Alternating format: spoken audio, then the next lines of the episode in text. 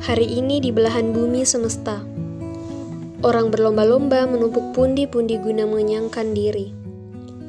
Tanpa berpikir bahwa materi yang dicari rupanya fana ketika bertransisi dengan semesta lain. Di antara kita terlalu merajakan hawa nafsu. Berani melakukan maksiat, tapi lupa kalau ada konsekuensi di akhirat. Pernahkah otak dan hati kita berelasi?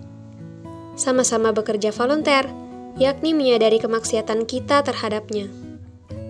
Saling berkontribusi, memikirkan apa yang akan kita katakan pada ilahi di peradilan akhirat kelak. Bagaimana kita menanti-nanti vonis yang akan dijatuhkan pada diri yang tak berdaya. Disadari atau tidak, mati pasti menghampiri. Tak peduli siapa dirimu, ia akan menyapamu. Tanpa tapi, tanpa nanti. Jadi, mari bertransformasi. Bersama-sama memperbaiki diri, tak melulu soal materi yang dicari.